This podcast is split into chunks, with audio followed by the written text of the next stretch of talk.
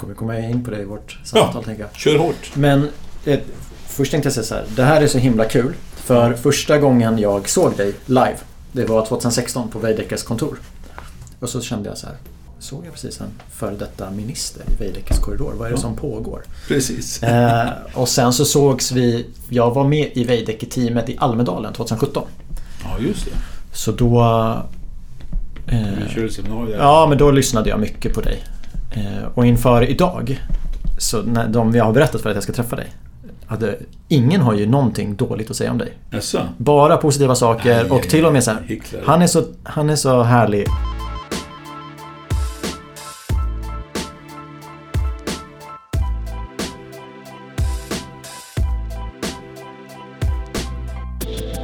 För två år sedan blev det klart att en ny kommission hade tillsatts. Byggmarknadskommissionen lanserades som byggbranschens eget initiativ för att kartlägga och analysera kriminalitet inom byggsektorn. I samband med lanseringen kunde man läsa att Fusket på byggmarknaden påverkar oss alla. Många anställda lever under eländiga sociala villkor när deras utsatta position utnyttjas. Det gäller såväl arbetsmiljö som boende och löner. Ett bra initiativ såklart, men samtidigt lite överraskande, för min bild fram till dit hade varit att detta är ett problem som branschen ogärna vill erkänna. Nu, två år senare, har Byggmarknadskommissionen släppt sin slutrapport.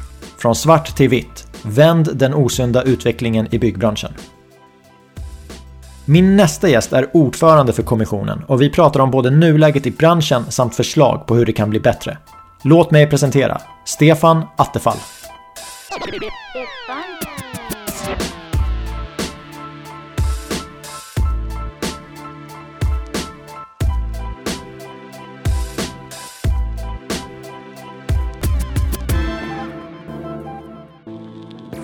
Varmt välkommen till hela kedjan Stefan. Tack ska du ha. Ganska så exakt två år sedan vi började mejlväxla. Mm, det stämmer bra det. Du tackade ja direkt. Ja, alltid trevligt att vara med i bra poddar. Ja, det kom en pandemi emellan. Ja, precis. Men nu sitter vi här. Ja. Googlar man på dig och går in på Wikipedia så står det före detta civil och bostadsminister. Mm. Är det så du presenterar dig fortfarande? Nej, inte jag. Jag eh, brukar försöka lämna den titulaturen bakom mig, men ibland så använder jag den. Men andra använder den ofta. Du själv då? Vad, om du ska Ja, Berätta för lyssnarna vad du brukar, gör nu för tiden. Jag brukar ha svårt att hitta en bra titel, men numera kallar jag mig strategisk rådgivare, föreläsare och eh, styrelseuppdrag i bostads och fastighetssektorn. Hur många bolag har du uppdrag åt? Jag, jag jobbar med, kan man säga, tre bolag just nu. Veidekke, som jag är strategisk rådgivare till. Eh, Heimstaden, eh, som är ett hyresfastighetsbolag. Eh, Europas näst största. Där är jag strategisk rådgivare till bolaget och jag sitter också med i deras bolag som heter Heimstaden Bostad som då äger alla fastigheterna ihop med pensionsbolag och andra. Och sen har jag också börjat samarbeta här i höstas med Hoivatelat, ett finskt bolag som håller på med samhällsfastigheter. Heimstaden, ni gjorde ett rätt så stort förvärv för inte så länge sedan. Just det. 93 miljarder på ett bräde. Ja, små pengar. Ja. Nej, men det är en fantastisk utveckling på det bolaget. Det var 8000 lägenheter i Sverige när jag började jobba med dem och idag har vi över 30 000, 32 000 i Sverige och 175-180 000 i Europa. Du har att göra och då vet vi vilka bolag du har uppdrag åt. Så att lyssnarna har den ja. i bakhuvudet. När, när jag brukar säga så här, jag, jag, jobbar med många olika aktörer men jag tycker ungefär likadant överallt. Så att de, får ta, de, får ta, de får ta vad de får. Mm. Anledningen till att jag mejlade dig för två år sedan det var ju för att du var ny ordförande i Byggmarknadskommissionen. Just det. Som precis hade lanserats. Mm.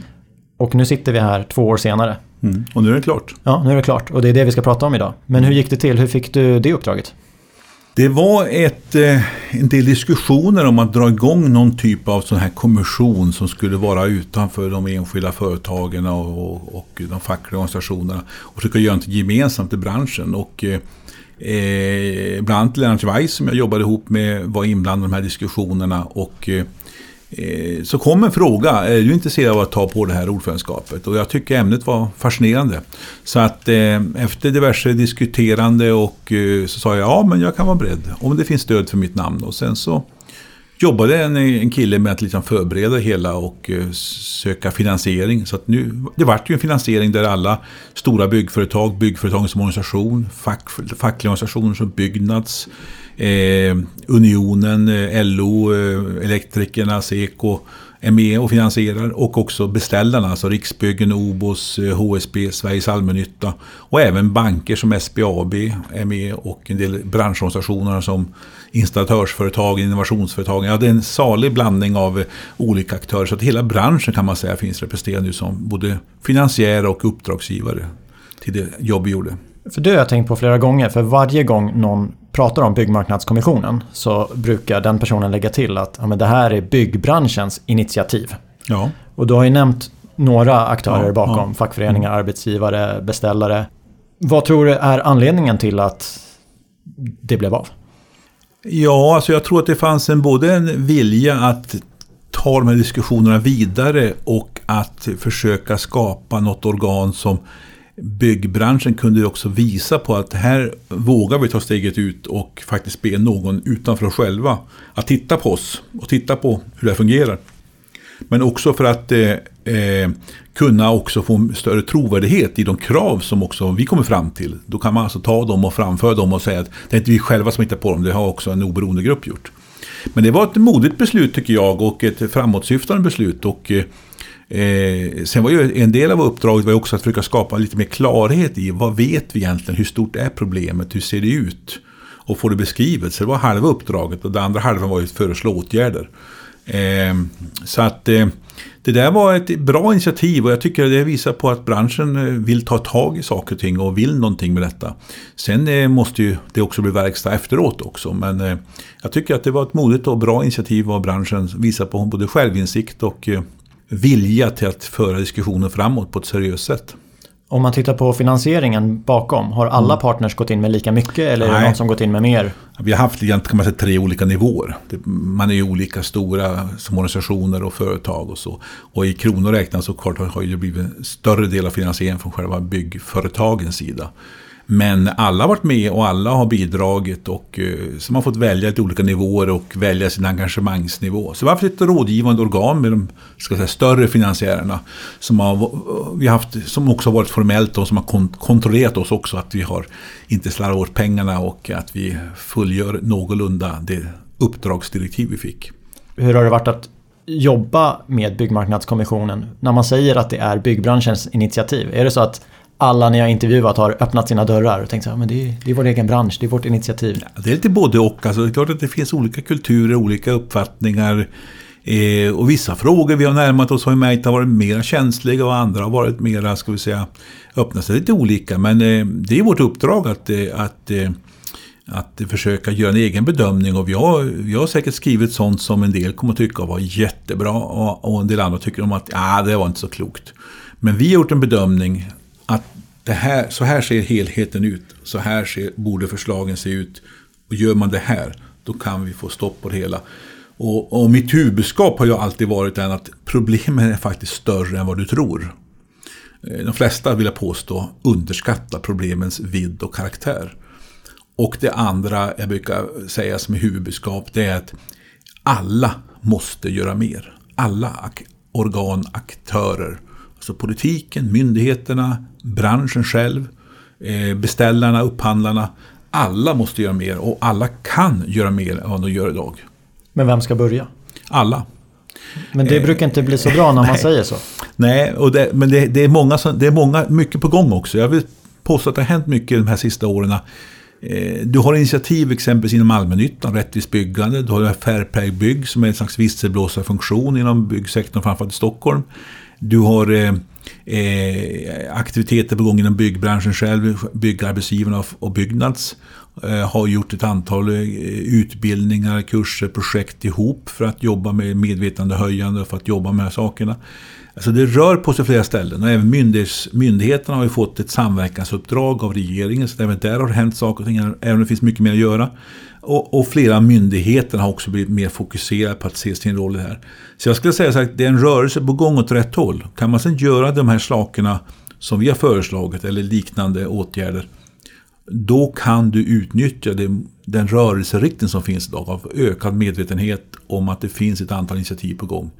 Så att eh, då bankinitiativ glömde jag säga också, där banken nu tittar på hur ska vi kunna ställa ett antal krav som för att låna ut pengar till byggprojekt. Och det är på gång. Eh, och när, när många olika aktörer börjar dra i de här tåtarna från olika håll, då kan vi göra någonting åt det. Du kan inte tro att en aktör ska lösa alla de här problemen. För det är så fast, så fast komplext de här sakerna. Du nämner att läget är värre än man tror. Mm. Om man eh, laddar ner rapporten, den är ju på 196 sidor, ja. pdf-dokumentet. Vilka är de viktigaste slutsatserna? Ja, det är just det att, att läget är faktiskt värre än vad många tror. Jag säger inte att alla, för det finns många som har en god insikt. Men många underskattar problemens vidd och karaktär. Alltså, det finns fortfarande många, både i branschen men också utanför branschen, som tror att det här är ett Ja, det är ett problem, men det är ett randproblem, det är ett marginalproblem eller ett problem i vissa delar av byggbranschen. Men det är mer utbrett än så. Det är också så att en del kanske tror fortfarande att det här är, jo vi har fusk och vi har de som inte följer alla regler. Men de missar helt att det finns också organiserad kriminalitet, organiserad brottslighet inblandad. Och storskaligt också. Eh, sen är, och, och, och, de här problemen med människor som verkligen far illa, som bor på madrasser på byggen, som, som knappt får eh, pengar så de kan klara sig och de eh, lever under miserabla förhållanden. De finns. De finns även i andra branscher, städbransch och sådana saker. Det kan vara papperslösa, det kan vara andra som utnyttjas. Men sen har vi också en ganska stor grupp som tycker att de själva har ganska vettiga villkor. För de jämför med sina hemländer. Och de är här kanske en begränsad tid av sitt liv och så kör de ganska hårt och så får de lön som ändå är, tycker de, då hyfsad. Men vad de gör med den insatsen och de företag som håller på med sånt här, det är att de håller på att hela tiden skjuta, skjuta alla seriösa och hederliga företag i, i ryggen. Va? Därför att de skapar en osund konkurrens. Och det här, det här är mer utbrett än vad många tror. Och det finns den här typen av företag som inte följer regelverken mer eller mindre. De finns även på statliga myndighetsbyggen, de finns på stora byggen, de finns på små byggen, de finns i hushållssektorn, de finns överallt. Och, och, och ibland har de, gör de enkla misstag och, och eh, slarvar på marginalen. Ibland är det rent avancerade upplägg. Det du nämner med stora statliga byggen men också hushållen. Det är ju mm. någonting man kan läsa i, i rapporten. Mm. Att mm. Ni, ni nämner ju både offentlig upphandling och byggtjänster i hushållen. Det är ett ganska brett spann. Ja. Kan man säga att något av dem är viktigare än det andra? Vilket område ska man prioritera om man bara kan välja ett? Att börja med. Ja, alltså jag skulle säga så här att en nyckelfaktor i alla fall för att det här ska, vi ska komma framåt. Det är ju att vi får en bättre fungerande myndighetskontroll och då är sekretessfrågorna mellan myndigheterna. Någonting som myndigheterna har ropat efter att få förändringar på länge men som inte har hänt någonting. Alltså att myndigheterna, eh, om Arbetsmiljöverket är och gör en inspektion av ett arbetsmiljöproblem och så ser de exempelvis här finns en misstänkt skattebrottslighet. Eller här finns det arbetskraft som verkar vara här illegalt, vi kan få misstänka det. Då har de alltså inte rätt att utbyta information hur som helst med andra myndigheter och säga ja, men kolla upp de här sakerna. Eh, ett sätt att lösa detta är ju att man gör myndighet, myndighetsgemensamma kontroller. Så man går ut flera myndigheter samtidigt och gör kontroller. Då kan man lösa problemen på plats. Va? Men, men just den här typen av utbyte av information, för att, och du ska du få en riskbedömningar, var har jag de största problemen? Måste kunna byta information, kanske automatiserat också, digitaliserat.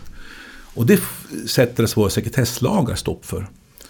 Eh, och då säger man så, ja men det är bara att ändra på dem. Ja, det har vi gjort för organiserad brottslighet, alltså du vet den här gängkriminaliteten, organiserad sån. Där har vi infört en sekretessbrytande bestämmelse.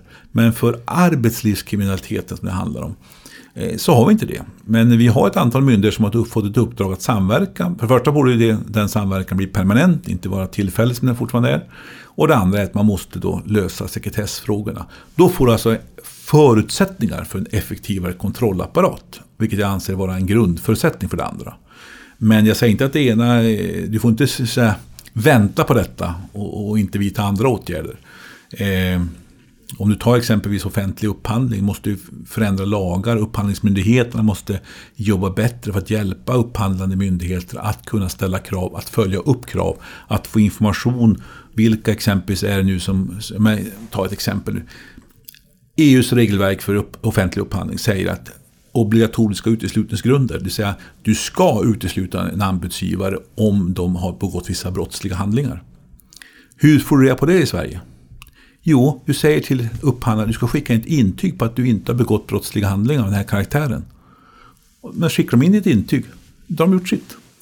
Och är du en skummis, då skickar du in ett intyg. Vad spelar det för roll? Jag kan ljuga där som jag ljuger någon annanstans. Och då kräver vi exempelvis att du ska ha en statlig myndighet ska ha ett uppdrag att du kan vända dig dit och säga så här. Företaget X och de här personerna bakom företaget, de är anbudsgivare. Har de begått den här typen av brott som skulle göra dem till, till uteslutna? Det är ju det är inte, det är inte att de har kört för fort eller, eller snattat i butik utan det är ju någonting grövre. Och då får man ett svar. Nej, de är grönt ljus. Eller de är inte grönt ljus. Det är bara ett, ett, exempel på där vi inte har regelverk och system som inte ens gör att vi kan följa EUs krav på det här området. Men det låter ju jättebra när du säger det och jag håller med. Och vi har ju haft det här temat uppe i podden att sekretess mellan myndigheter, mm. det är ett hinder. Mm. Så det är ju inte att vi har kommit på det här nu. Nej. Vi har vetat om det i flera år. Men det har inte hänt någonting. Nej. Och du har ju varit i politiken. Vem är det som inte vill att det ska hända någonting? Det är en bra fråga, för det är ett mysterium tycker jag. Eh, man kan säga just de här sekretess, jag upplever inte att det finns ett politiskt motstånd. Men det måste ju finnas, annars ja, hade man ju infört det. Man har gjort det för gängkriminaliteten. Min misstanke är att det finns massa juridiska invändningar som gör att regeringen har kört fast. Eller inte orkat driva, eller vad man ska säga. Så lite mera handlingskraft från regeringens sida för att hitta fram. Nu har, nu har det äntligen kommit igång en utredning i höstas. Som tittar bland annat på de här sakerna. Vad den utredningen kommer fram till, det kommer vara oerhört avgörande. För att eh, det finns en juridisk motstånd och man hittar bara fel på det här området. Eh, och här måste man som våga från politiskt håll eh, både hitta en bra teknisk lösning och vi har föreslagit en sån lösning som vi tror är bra. Men hitta en teknisk lösning och sen genomföra den. Jag tror inte att regeringen kommer att få problem med riksdagen. Utan eh, problemet sitter nog att få fram lagförslaget ur regeringens händer. Det är mer en intern process på regeringskansliet tror jag.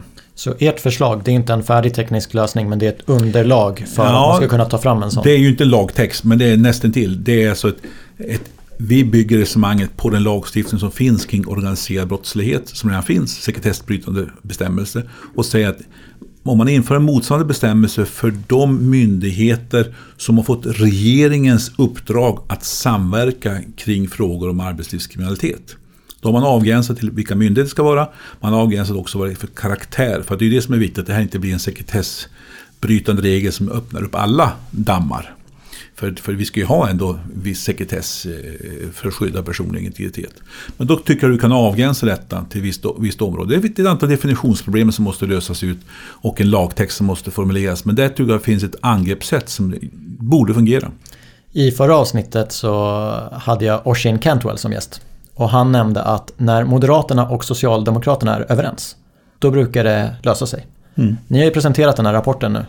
Är Socialdemokraterna och Moderaterna överens om sekretesshindren och att göra på ert sätt? Som de, ja, på del, din fråga del 1, ja.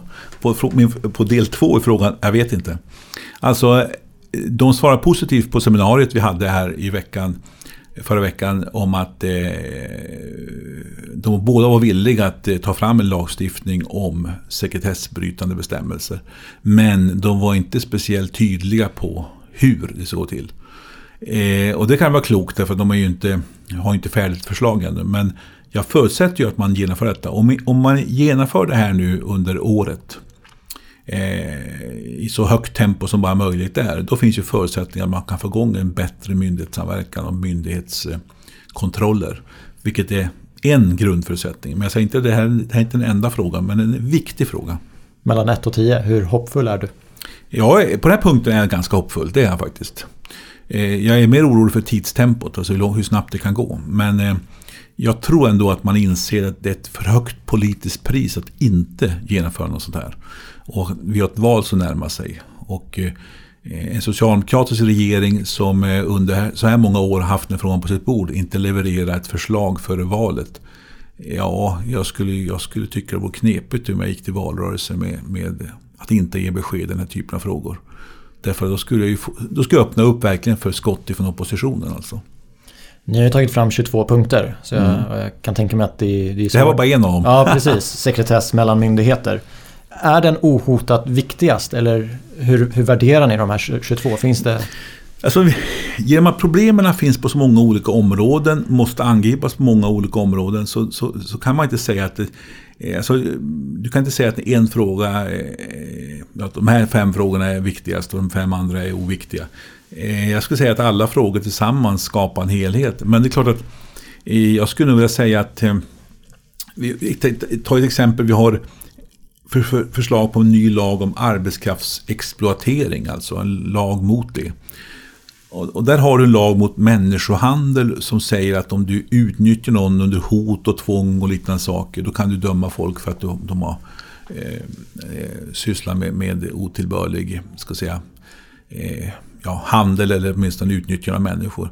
Men om du har haft en människa anställd under, under ska vi säga ändå, rimliga villkor men med mycket låg lön men du bor kanske lite halvdant och saker. Men det är inte, det är inte tvång, det är inte, det är inte så att de här personerna säger att eh, de kanske alternativ för dem kanske är mycket sämre. Va? Men du, då, då tar inte lagstiftningen. Alltså lagstiftningen tar inte då. Och då säger vi så här, vi behöver en ny lagstiftning för att komma åt de här människorna som far illa på svensk arbetsmarknad. Men som för den skulle inte är så utsatt för tvång och hot och sådana saker. Och den eh, lagen, den kommer inte heller att förändra allting. Men den gör att vi får verktyg att nå de här grupperna som verkligen utsätts för helt enkelt utnyttjande. Och där har vi inte en lagstiftning som är tillräckligt, eh, har tillräckligt mycket tänder. Va? För att ta ett exempel. Eh, Men likas- bygger den på att, för jag tänker om det är organiserad brottslighet, då kanske man är ganska rädd för att gå ut med och säga att man har blivit tvingad. Men Ja. be- behövs Jo, men alltså, det vittnesmålet då? Ja, precis. Alltså, de, de regler som vi har idag kräver ruskigt mycket bevisbörda för att du ska kunna komma åt någon. Den här lagen skulle göra att det går lättare att komma åt. Du kan alltså dokumentera lättare. Exempelvis om du ser, eh, kan dokumentera någon typ av löneutbetalningar som varit helt orimligt låga. Eh, Du kan se kanske boendeförhållanden som varit orimliga. Men det är inte någon som säger att jag är tvingad. Jag är inte, det är ingen som har en pistol mot huvudet på mig. Va? Utan jag är bara jag, är bara, jag får bara dåligt betalt. Men det, det handlar inte heller om att få några procent dåligt betalt. För att det är inte staten som ska bestämma lönerna i Sverige. Men du tar ett annat exempel som vi har ett, en utmaning i Sverige som visar på komplexiteten. Det är att löner exempelvis. Det är ju inte staten som kan kontrollera lönerna. Det ska ju parterna göra. Vi har ju svenska modellen. Alltså staten, Arbetsmiljöverket till exempel, får inte fråga och kontrollera, och ha åsikter om vilken lön som en arbetstagare får. Om man nu gör en kontroll på en arbetsplats. Det är ingen fråga man får ställa helt enkelt. Eller kan ställa eller har någon anledning att ställa. Utan det är faktiskt facket och arbetsgivaren som ska bestämma kontrollera att man får rätt lön. Utifrån, har man skrivit på ett kollektivavtal så är det det som gäller. Har man inte skrivit på ett kollektivavtal då kan man faktiskt i Sverige betala 5 kronor i timmen i lön. Och det är inte olagligt. Men då ska man ju utsättas för en facklig kontroll. Och därmed tvingas skriva på ett kollektivavtal. Då funkar ju svenska modellen som alla partier hyllar i Sveriges riksdag.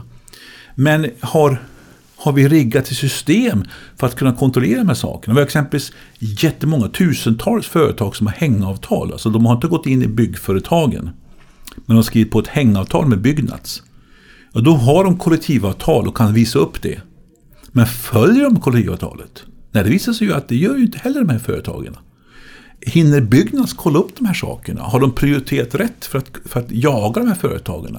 Där de inte ens har några anställda som vill vara med i facket.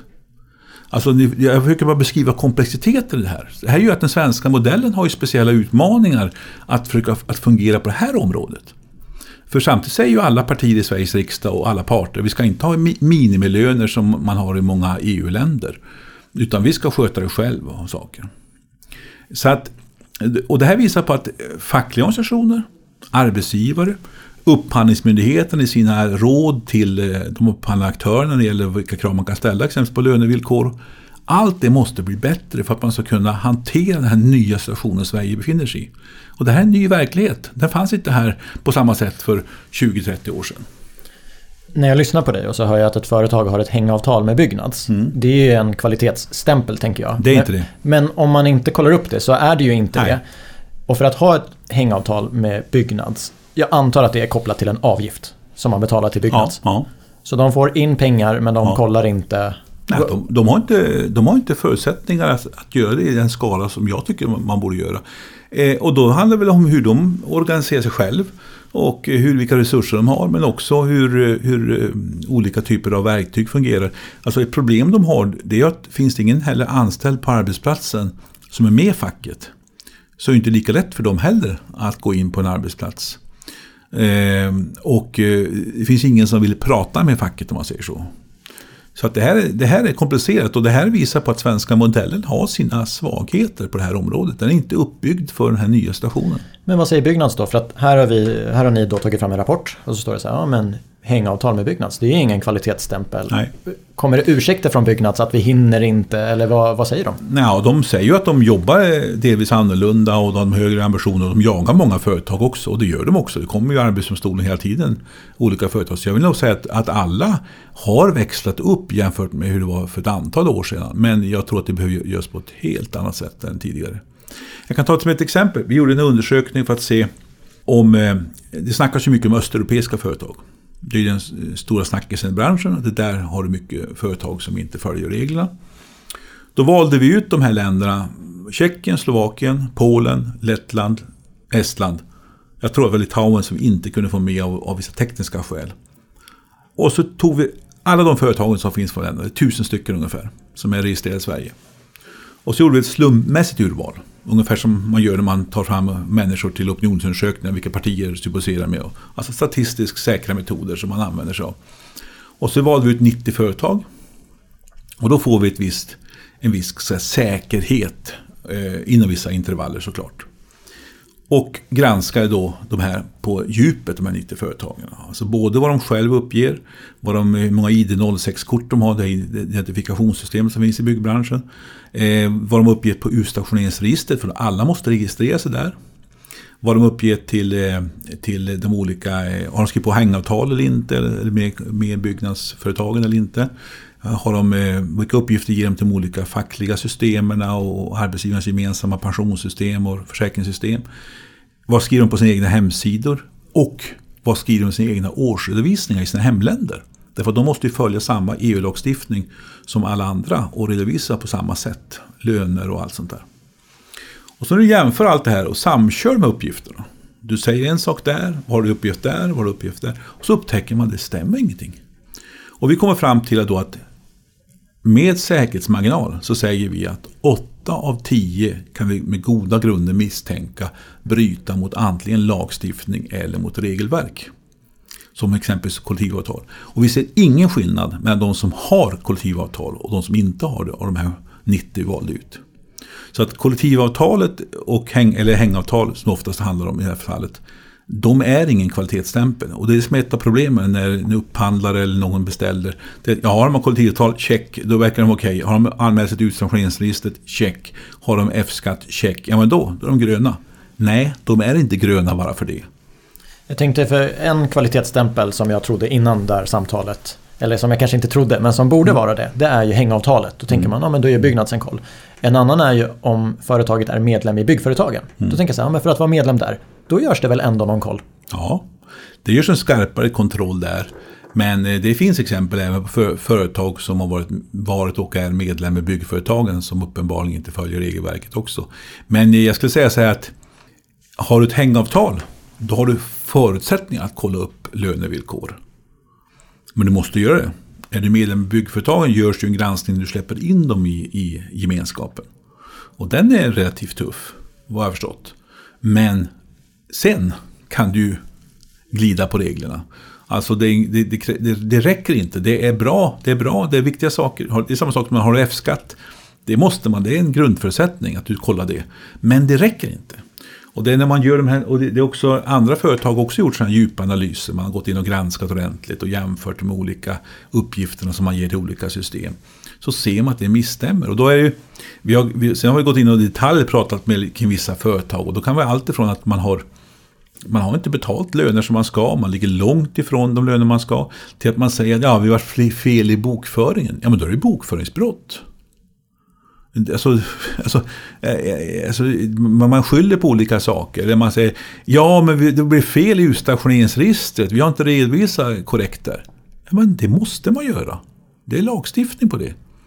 Eh, e, e EUs, EUs utstationeringsdirektiv föreskriver ett antal saker och svensk lag på det föreskriver ett antal saker. Så att du kan skylla på massa olika saker men uppenbarligen har man inte gjort, gjort det här på ett korrekt sätt. Sen kan det finnas i vissa fall säkerligen mer oskyldiga misstag och i andra fall mer organiserad kriminalitet. Men ni har ju gjort en gedigen kontroll av de här 90 företagen. De gjorde en ruskigt gedigen kontroll på ja. Ja, och jag tänker att om en beställare köper in tjänster eller en totalentreprenör köper in en underentreprenör. Är det det man behöver göra? Alltså göra tio olika kontroller för att ja. säkerställa att det är sunt? Ja, alltså... Det känns ju in, inte så nej, rimligt på ett sätt. Nej, och jag menar att eh, jag skulle behöva säga så här att ja, ska du vara helt säker måste du nästan göra så. Men så kan det ju inte vara. Det är därför jag säger att kontrollmaskineriet måste bli bättre. Eh, alla parter måste, måste göra sitt mer, därför att vi kan inte lägga det ansvaret på varenda företag. Och därför måste myndigheternas kontrollapparat också vässas på olika sätt. Eh, det måste prioriteras på ett annat sätt bland myndigheterna. Men sen måste också eh, ska säga, man, man lägga mer vind. Alltså parterna måste jobba mycket mer med kvalitetskontroll på vilka företag som finns där. Om de har kollektivavtal, om de inte har det. Och att man följer med avtalen. Upphandlande aktörerna måste bli bättre på att ställa krav. Och när du börjar göra det här från alla håll och kanter. Då blir manöverutrymmet mindre och mindre för de som inte följer reglerna. Om man inte kan ställa kravet på professionella beställare. Då om vi går tillbaka till där vi började. Att mm. ni nämner ju både offentlig upphandling och byggtjänster i hushållen. Ja. Då tänker jag som privatperson då. Ja. Det ja. känns ju ännu mer orimligt. Ja, och det, kan vi säga, det är ett speciellt område. Eh, och då hade vi ju en klassisk debatt för 10, 15, 20, 30 år sedan. Det här med du vet, hantverkaren som jobbade extra svart och, du vet, och som gjorde hälften jobbet på dagtid vitt och hälften svart. Och, ja, man skulle bort ifrån det. Och rotavdrag var ett sätt att komma till rätta med det här. Och det har man delvis lyckats med. Men vad vi har fått in det är ju också mer företag som, som eh, säljer tjänster men har anställda i sin tur som inte då fullt ut eh, följer regelverken. Eh, därför att de ja, är här på felaktiga grunder. De, de är kanske kommer från tredje land eller här från EU-länder och har inte utstationerat sig som ska. Eller man hyr in så kallade egna företagare och betalar löner som, som inte är skäliga. Och dumpar marknaden bakvägen. Eh, och det här problemet har blivit större. Finns framförallt i storstäderna men också runt om i hela Sverige. Och då eh, säger vi så här, det finns tre saker vi tycker man borde göra här för att stävja den här typen av problem. Det ena är att göra ROT och RUT-regler likartade. Det vill säga att ha olika ersättningsnivåer, skatteavdragsnivåer och olika eh, taknivåer. Det gör att det finns incitament att flytta grejer från det ena till det andra. Va? Det kanske inte är i kronor räknat största problemet, men det är en viktig del. Det andra säger vi att Inför åtminstone ett krav att den, den som säljer de här tjänsterna ska skriva in i fakturan vem har utfört jobbet. Har det varit en person eller två eller tre personer. De ska vara angivna där med ett personnummer. Eller samordningsnummer om man inte är svensk medborgare. Då finns det förutsättningar också för skattemyndigheten att göra efterhandskontroller. Man kan gå in och kolla, är de här, har de rätt att vara i Sverige? Eh, och, så, va? och om de inte uppges där, då kanske också hushållet som får fakturan säger, ja men vänta nu, här står det bara en person, det var ju tre som sprang här. Alltså du får mer av en, det svåra, du har ju tröskeln för att fuska ytterligare ett snäpp.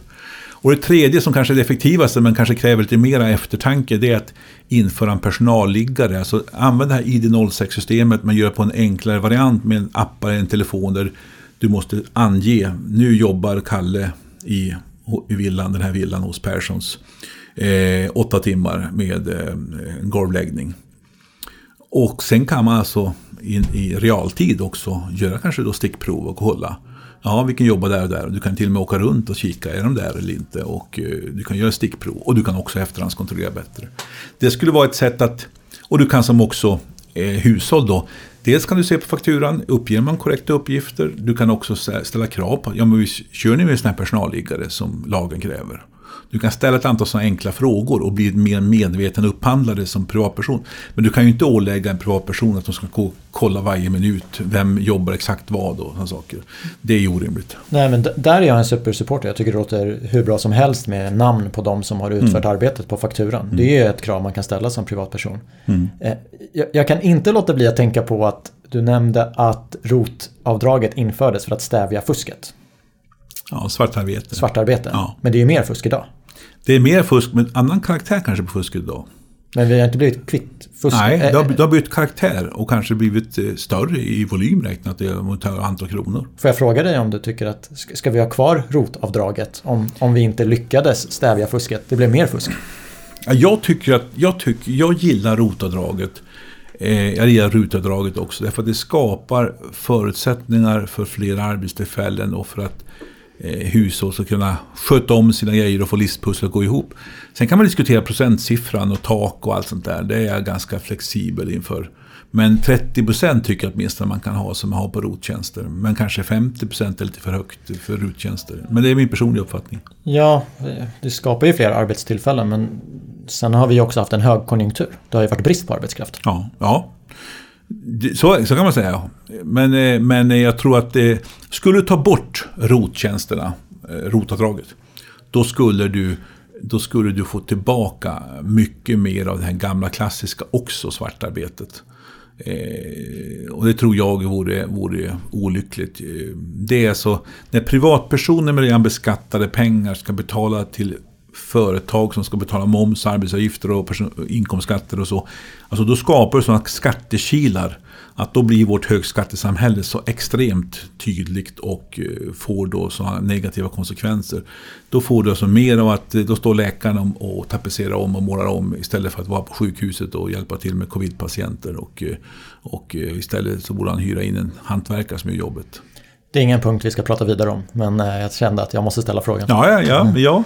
Jag, jag har åsikter om, allt möjligt. Vi var inne på det lite i början men du, du sa att alla måste göra någonting. Min Mm. erfarenhet är att när man säger att alla måste göra någonting så gör ingen någonting. Nej, och det, det- händer ingenting. det- det är så, så, så jag ska formulera om frågan då. För ni nämner regering och riksdag, myndigheter, upphandlande aktörer, företag och fackliga organisationer. Mm. Vem behöver göra mest? Ja, alltså om inte politiken i form av regering och riksdag tar kommandot och visar att de vill lösa sina delar av detta, då tror jag det finns små förutsättningar för andra aktörer att känna samma ansvar. Alltså där har politiken ett föredömets makt och ett ledarskapsansvar. Så jag skulle, i den meningen ligger politikens ansvar tungt på regering och riksdag. Eh, och jag tror att här måste man få dem att både inse problemets vidd men också förstå att här finns en samsyn egentligen. Men, både en socialdemokrat och en moderat och en kristdemokrat eller vilket parti du än talar om måste ju se det här som att här hotas ju hela rättssamhället. Här hotas anständigheten i samhället. Här hotas tilliten i hela samhället och människor inte känner längre förtroende för att systemet fungerar. Eh, så att jag skulle säga att det är stora värden på spel. Så att om inte partierna, oavsett vilken regering det blir efter valet också, förstår att detta är en fundamental del i politikens uppgift att lösa de här problemen. Och jag tror att eh, alltså man, kan, man kan lägga mycket ideologi i många frågor och man kan se det partitaktiskt och så, men är det någonting medborgare önskar det är att politiken ska fixa det som politiken kan fixa. Och här har politiken en del, en stor del av ansvaret för att lösa ut ett antal frågor. Och genom att vidta åtgärder, genom att utöva ledarskap, så kommer man också att få de andra att känna press på sig att göra sina delar. Och då kan man som, från politikens sida ställa krav också. Idag blir det ibland så att man ser, man, de har inte löst sekretessfrågorna. Ja, då nöjer man sig med det. Ja, jag behöver inte göra så mycket. Lite grann indirekt säger man ju så. Om inte politiken löser sekretessfrågorna mellan myndigheterna, då kan inte den här kontrollapparaten fungera. Då, då, då finns det ingen anledning för oss att lägga någon, någon större energi på det här. Så att, i den meningen har politiken ett stort ansvar. Som en, alltså, jag brukar säga att politik är inte bara att fixa lagar, det är också att vara ledare, att vara, ta, ta täten i frågor.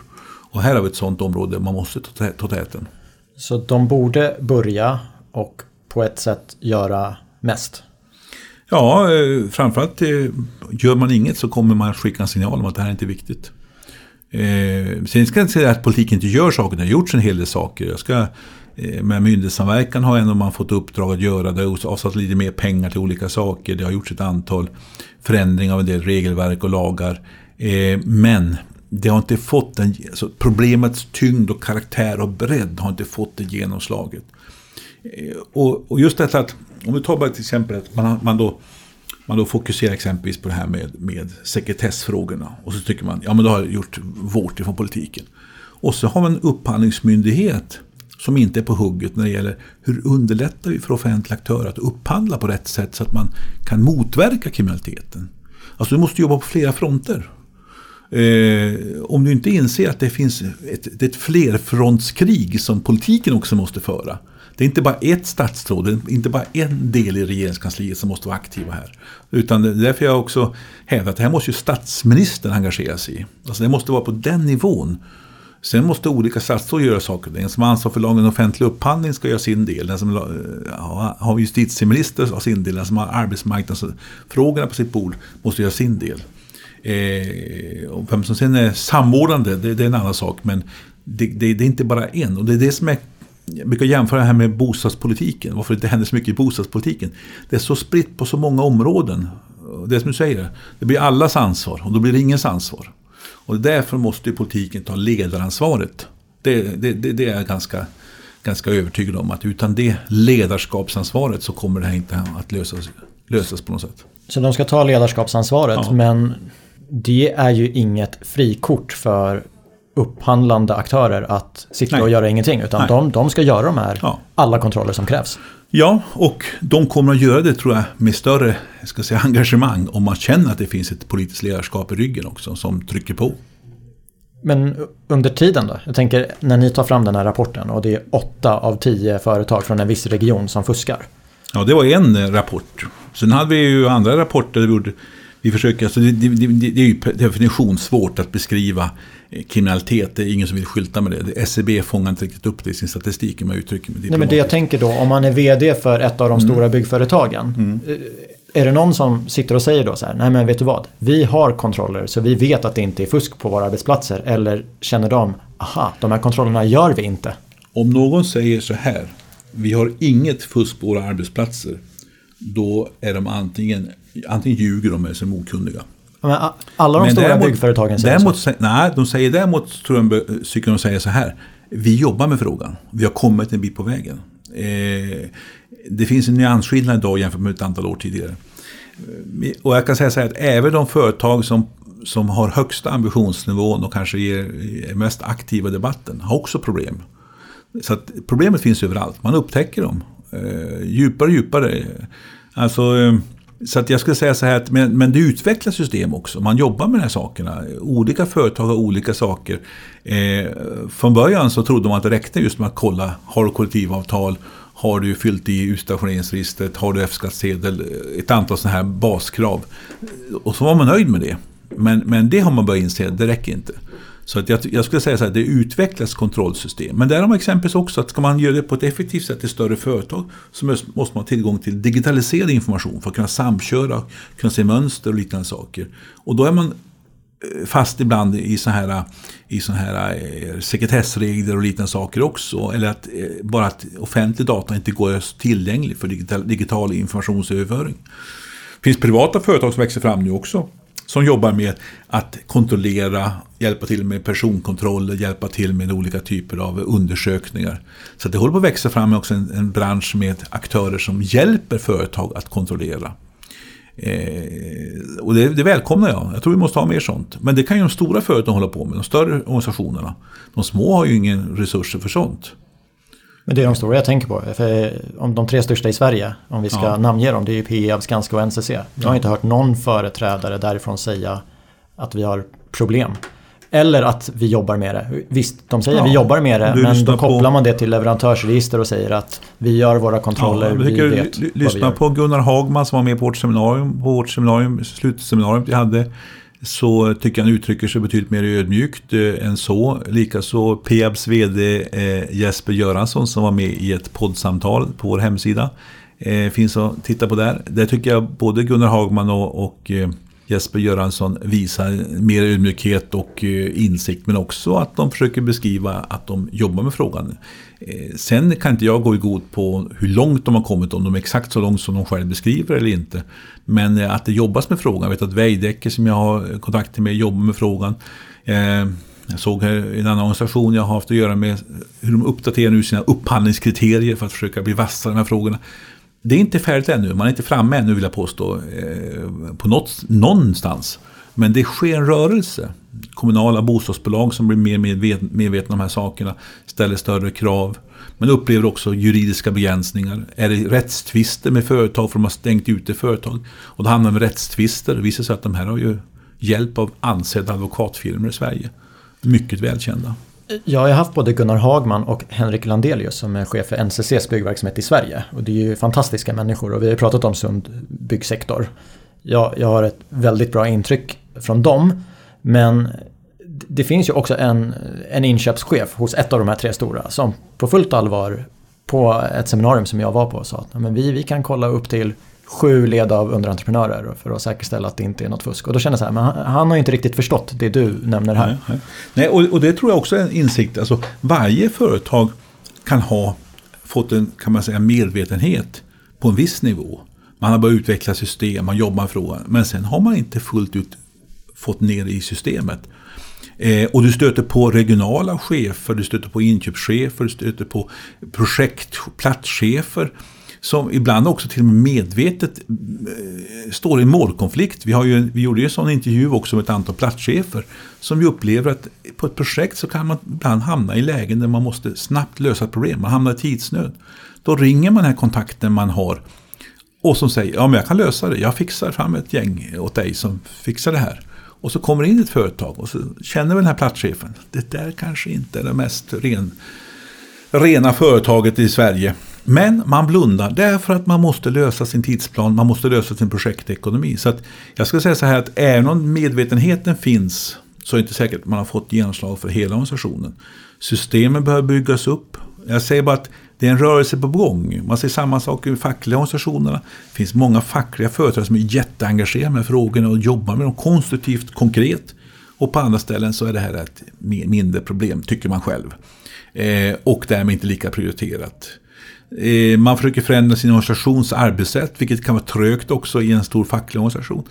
Så att jag, jag, jag, jag bara säger så här att jag tycker att det positiva är att det finns en rörelse på gång åt rätt håll. Men ingen, ingen är färdig. Och den som säger att de är färdig, de ljuger eller svävar i egen okunnighet. Och vilket som är värst vet jag inte. Ett citat är ju att fackliga organisationer och arbetsgivare måste höja sina ambitioner. Ja. Och då undrar jag, ett, hur har de tagit emot det citatet? Och två, när kan de vara på rätt nivå? Om det tar tid. Det är en rörelse, det tar tid. Ja, ja. Nej, jag, jag har inte fått någon konkret reaktion på just den formuleringen. Jag tror att du får lite olika när du frågar. En del säger ja det är rätt och andra säger att ah, det är väl, väl mycket post, det är inte vi som är huvudproblemet, det är regeringen eller riksdagen eller någon annan alltså, som är huvudproblemet. Så det är lite olika personer. Jag har varit på olika konferenser inom byggsektorn och, och hört alla varianter. Allt ifrån de som skriker och larmar och säger att det här är katastrof, det är hemskt ute på byggmarknaden till de som säger nja, det är något marginalproblem för de här som finns där borta i så att det, det, finns alla bilder. Så att en del av vårt jobb tycker jag är just att höja medvetenhetsgraden. Och, och våra rapporter som har ändå Alltså vi säga det, våra undersökningar med östeuropeiska företag, våra intervjuer med platschefer, vår expertpanel vi satt ihop för att försöka bedöma hur de själva upplever de som jobbar i verksamheten och hela. Vi har tittat på Skatteverkets olika försök till skatteberäkningar av svartarbete. Vi har tittat på Arbetsmiljöverkets olika inspektioner och statistik och, och uppgifter. Vi har lyssnat runt mycket och vi kan säga att alla, alla de här olika underlagen vi har fått fram, den tecknar ungefär samma bild. Det finns ingen bild som går tvärt emot. Alla tecknar bilden. Problemet är omfattande och har vuxit under senare år. Och därför finns det liksom ingen som kan smita undan och säga att det här problemet finns inte. Tvärtom. Det är stort och det är växande. Och alla som börjar syna de här olika underleverantörskedjorna som finns i företagen, de hittar alltid företag som har en hel del att förklara om jag uttrycker mig diplomatiskt. Så att det, det är liksom så här, jag snackar med en kille som håller på med ett offentligt byggnad i, i en stad i, i, Sverige. Och så nämnde han vilka som var stomleverantörer. Sen gick jag och kollade upp det företaget. Mm, eh, vi de här som håller på med att granska våra företag. Ja, ja de, här, de här är suspekta också. De har ett antal indikationer på sig för att de inte sköter sig också. Och det var en offentlig beställare. Va? Så att jag menar, det fanns ingen kunskap om det. Aha, ingen aning. Och de här var stora, ganska stora leverantörer i Sverige. Så att, jag menar, det finns överallt. Därmed inte sagt att de bryter mot skatteregler för att de, inte, de kanske inte följer kollektivavtalen. Men om man skriver på kollektivavtalen, då är det ett avtalsbrott i alla fall. Och för att ge ett annat exempel då. Om du har ett avtalsbrott, Byggnads kommer på det här, de driver till Arbetsdomstolen, Arbetsdomstolen dömer skadestånd. Vad händer då? Jo, då ska ju facket driva in det här skadeståndet. Företaget finns i ett annat land exempelvis. I det här landet så kanske man antingen har då avvecklat företaget eller bytt namn på det. Eller, det är svårt alltså. Myndigheterna i det här landet är inte lika benägna alltid att hjälpa till med att driva in ett civilrättsligt avtalsbrott, skadestånd för ett civilrättsligt avtalsbrott. Därför att det är ju inte ett, det är inte ett lagstraff. Hade en domstol dömt i Sverige, en vanlig domstol, då hade man haft en, en mer skyldighet enligt de olika regelverken att driva in det här beloppet. Alltså kan, kan, kan vad nu, Eh, facket hamnar i ett läge där de har ett krav på ett företag som de faktiskt aldrig får in de pengarna. Dessutom är skadeståndet kanske på, lagt på en sån nivå. Där här finns ju inga enskilda arbetstagare som har blivit förfördelade. För de har inte anmält att de har blivit förfördelade. Utan det är ett avtalsbrott mot att de, att de inte har följt eh, avtalet med Byggnads. Och då blir skadeståndet kanske inte alltid så högt. Så att vinsten av att ha brutit mot avtalet kan vara mångdubbelt skadeståndet. Så även om man får betalt så är det bara spottstyr mot vad man tjänade på att inte följa avtalet. Så det finns flera dimensioner i det här och vi har också förslag på hur man ska förstärka de lagarna och reglerna för att man ska kunna ge facket också starkare instrument för att driva in skadestånd och, och få, det, få det på rimliga nivåer. Men där tänker jag, för att ni kollade 90 företag, 80% med säkerhetsmarginal hade nått fuffens. Det är 72 företag. Ja, vi uttrycker som att vi har starka misstankar. Starka misstankar. Och det kanske inte är lagbrott, det kan vara avtalsbrott. Ja, oftast både och. Men jag tänker om man hänger ut de här företagen så kommer ju seriösa beställare inte vilja jobba med dem. Är vi för fega i Sverige? Jag menar, för det kan ju också vara en grej. Strunta i att driva in skadestånd utomlands. Om ni listar de här företagen, de här har rapporterat fel och i något fall kanske det är ett ärligt misstag. Många gånger är det inte det. Då mm. kommer det ju vara de stora byggföretagen, de stora beställarna, de kommer ju inte vilja jobba med de här företagen. Mm. Är vi för fega i Sverige? Ja, visst, alltså, i, i, vårt fall så hade vi en sån diskussion. Ska vi, ska vi göra så med de här företagen? Ja, för det första så sa vi att då, då blir fokus på de här enskilda företagen och eventuella eh, felaktigheter som någon hävdar att det här är ett misstag och vi har fyllt i bara fel i kolumnen där. Och vi får debatter om, om fel saker. För det här, och, det är bara de vi råkade plocka ut, då, statistiskt plocka ut, som då blir uthängda. Medan det stora flertalet då eh, kan fortsätta vara, vara fredade. Men vi, vi, vi tycker ändå att det var så pass många av de företagen som var så grava misstankar och avvikelser mot vad som var rimligt. Så vi anmälde faktiskt ett antal till polisen. 12 stycken? 12 stycken ja. Vi anmälde ett antal till Arbetsmiljöverket för att de hade inte alltså, grava avvikelser mot utstationeringsregistret och så.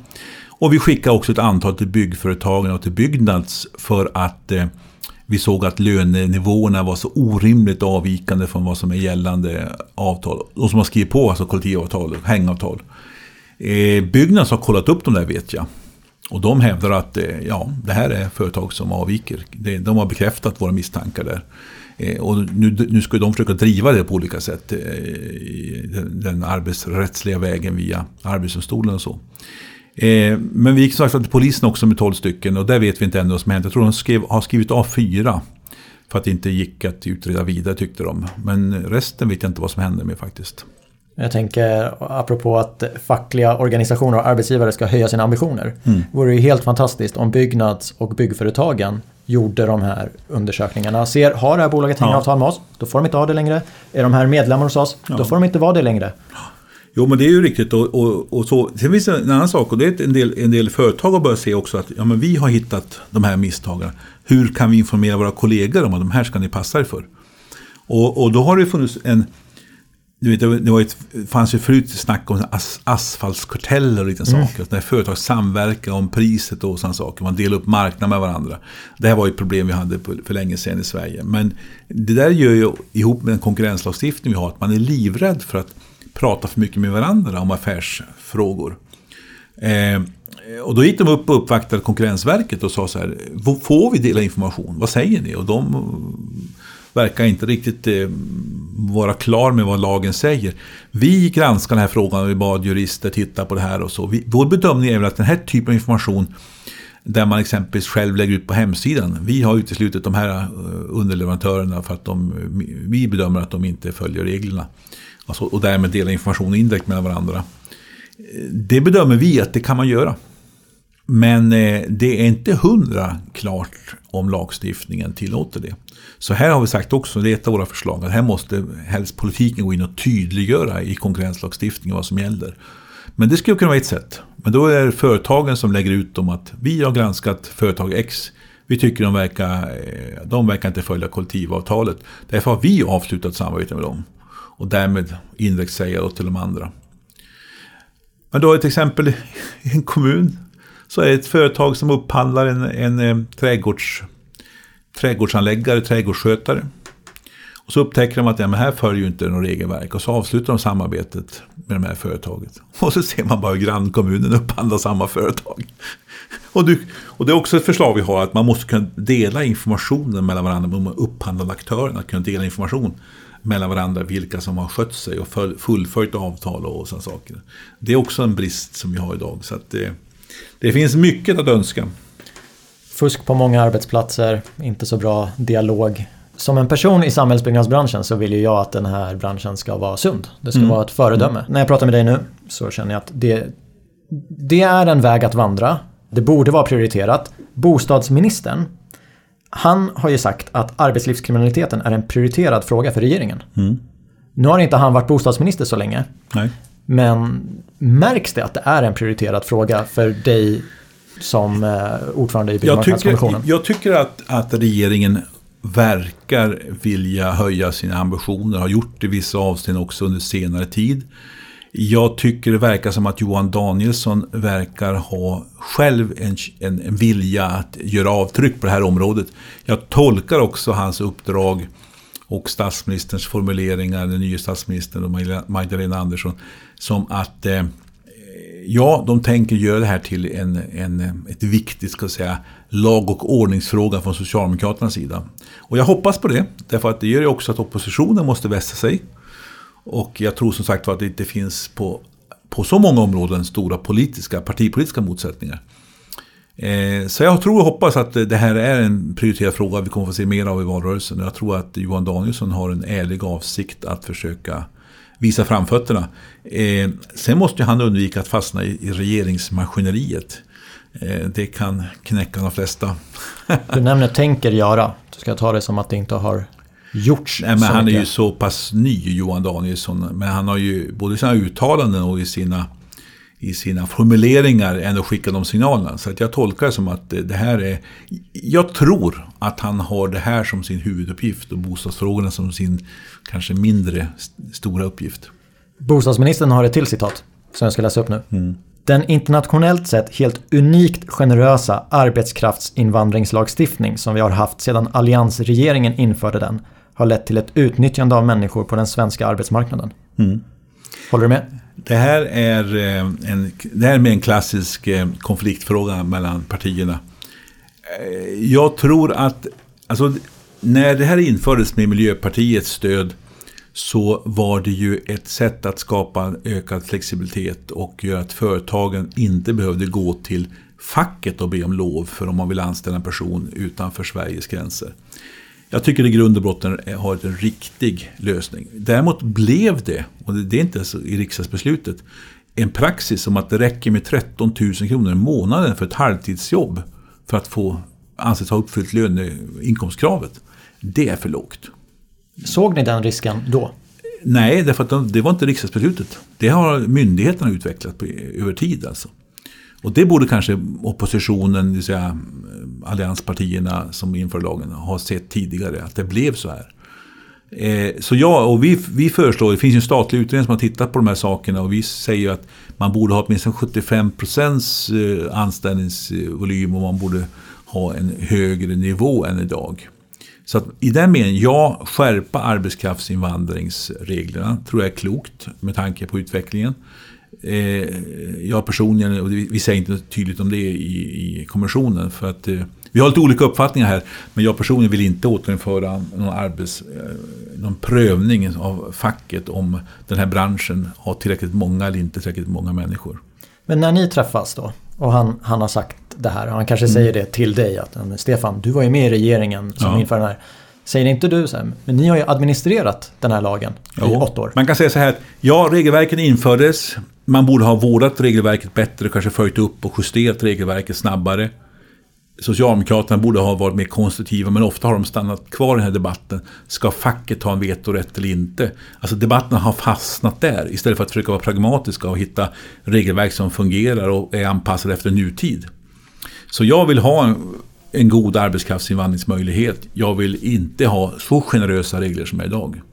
Det är 2022, februari, när vi spelar in det här avsnittet. Valår. Som före detta bostadsminister. Ja. Hur tänker man i partipolitiken? När det är sju månader kvar. Ja, nu håller man ju på att ladda för vad som ska vara partiernas valfrågor och valstrategier. Och man utformar sina program. Alltså det nu görs mycket av grovjobbet och eh, börjar man redan i höstas kan man säga. Eh, tyvärr så kommer nog inte bostadsfrågorna bli de, en av de stora bostadspolitiska deba eh, eh, stora debattämnena. Inte den här gången heller. Nej, och det beror delvis på att eh, vi ser ju inga regeringsalternativ som har ett gemensamt sammanhängande tänk i frågan. Alltså blir det inte riktigt tydligt konfliktlinjerna. Eh, och det andra är att eh, det här är så pass frågor som spänner på så många områden så att partierna har inte svårt att hantera dem också. Och det finns inte heller på partiledarnivå en tydlig engagemang för att Eh, låta bostadsfrågorna bli huvudfrågor. Så att jag tror att det kommer möjligtvis bli vissa delfrågor kommer att synas i debatten. Det här med för och emot investeringsstöd kommer man säkert bråka lite om.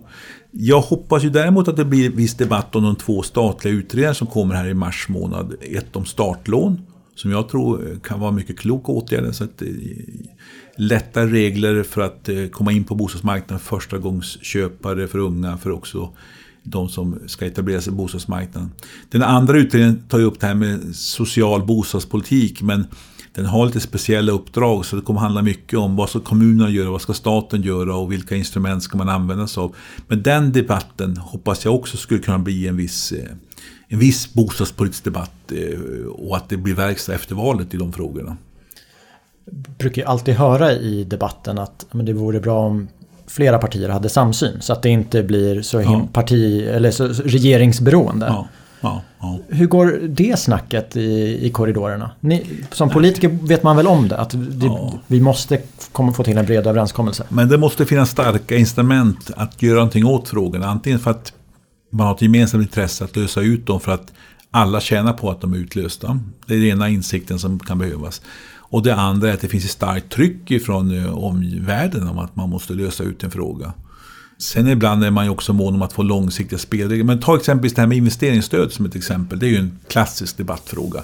Socialdemokraterna och Vänsterpartiet vill ju ha ett investeringsstöd. Miljöpartiet eh, vill inte det före de kom in i regeringen, men nu vill de det också. Och alla andra partier vill inte ha det. Vad vill de ha? Bostadsbidrag? Eller vad, vad vill de ha istället? Ja, det är ett av deras problem. De är för dåliga på att ha ett gemensamt alternativ. Men eh, bostadsbidrag pratar en del om. Andra pratar om regelförenklingar och, och en del har inga svar alls.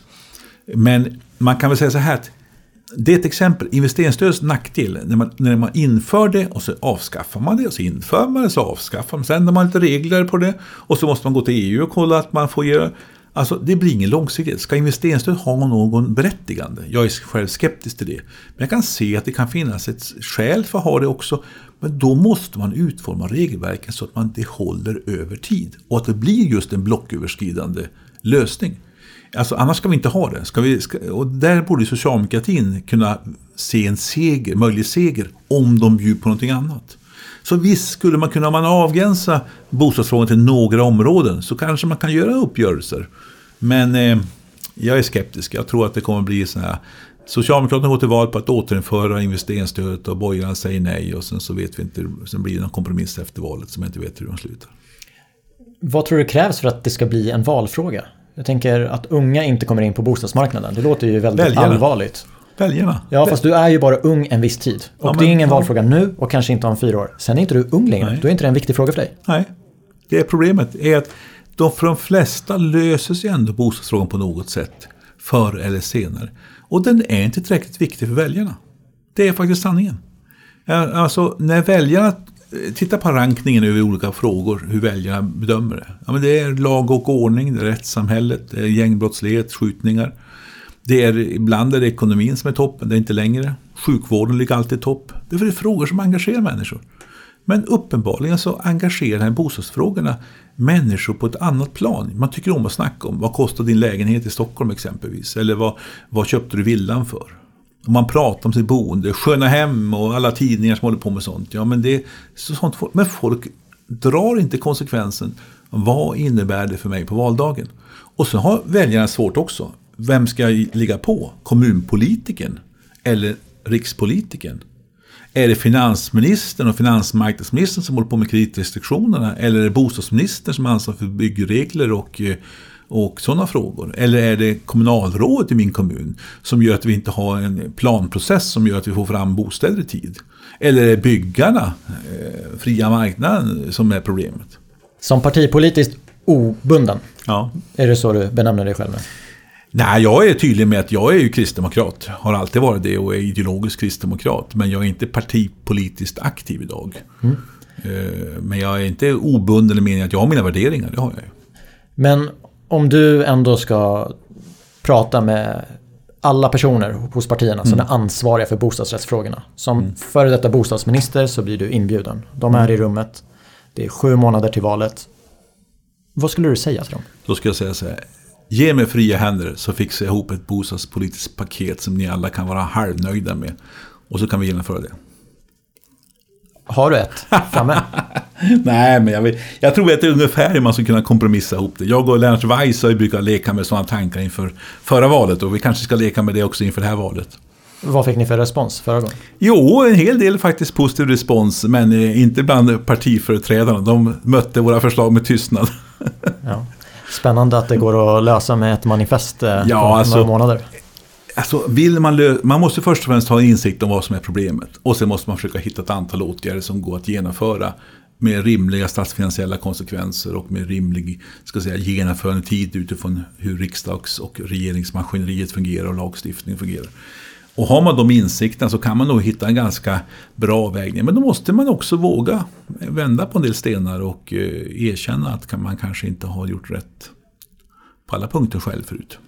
Vad händer för dig härnäst nu? Nu har ju Byggmarknadskommissionen, jag har tagit fram en, en rapport. Mm. Den ska skickas till eh, riksdagsledamöterna tänker jag. Ja, vi faktiskt håller på att trycka upp en liten större upplaga nu för att kunna distribuera den till ett antal intressenter. Eh, och sen hoppas vi också att byggföretagen och Byggnads eh, tar tillvara rapporten och använder den i sin verksamhet. De har ju bland annat bildat en grupp som kallas åtgärdskommission. Vi har en delegation mot arbetslivskriminalitet som regeringen tillsatt. Eh, de hoppas jag jobbar vidare med förslagen och tar till sig de förslag som är vettiga. Sen hoppas vi att de politiska partierna också gör det. Men eh, vi har gjort vårt eh, i den meningen. Sen är jag inbjuden till massa olika föreläsningar och grupper för att prata om rapporten och det kommer jag säkert göra ett tag framåt. Det skulle vara helt fantastiskt. Vi har ju Attefallshus. Mm. Och om man lägger till Attefallslagstiftningen som ja, stävjade allt byggfusk. Ja, och så Attefallsmanifestet ja. som löste Bopolfrågan. Då är vi hemma. ja. Det har varit en ära att eh, äntligen få snacka med dig. Ja, mycket eh, trevligt. Ser fram emot eh, att göra någon form av uppföljning längre fram. Mm. Tack för att du gästade hela kedjan. Tack så du ha.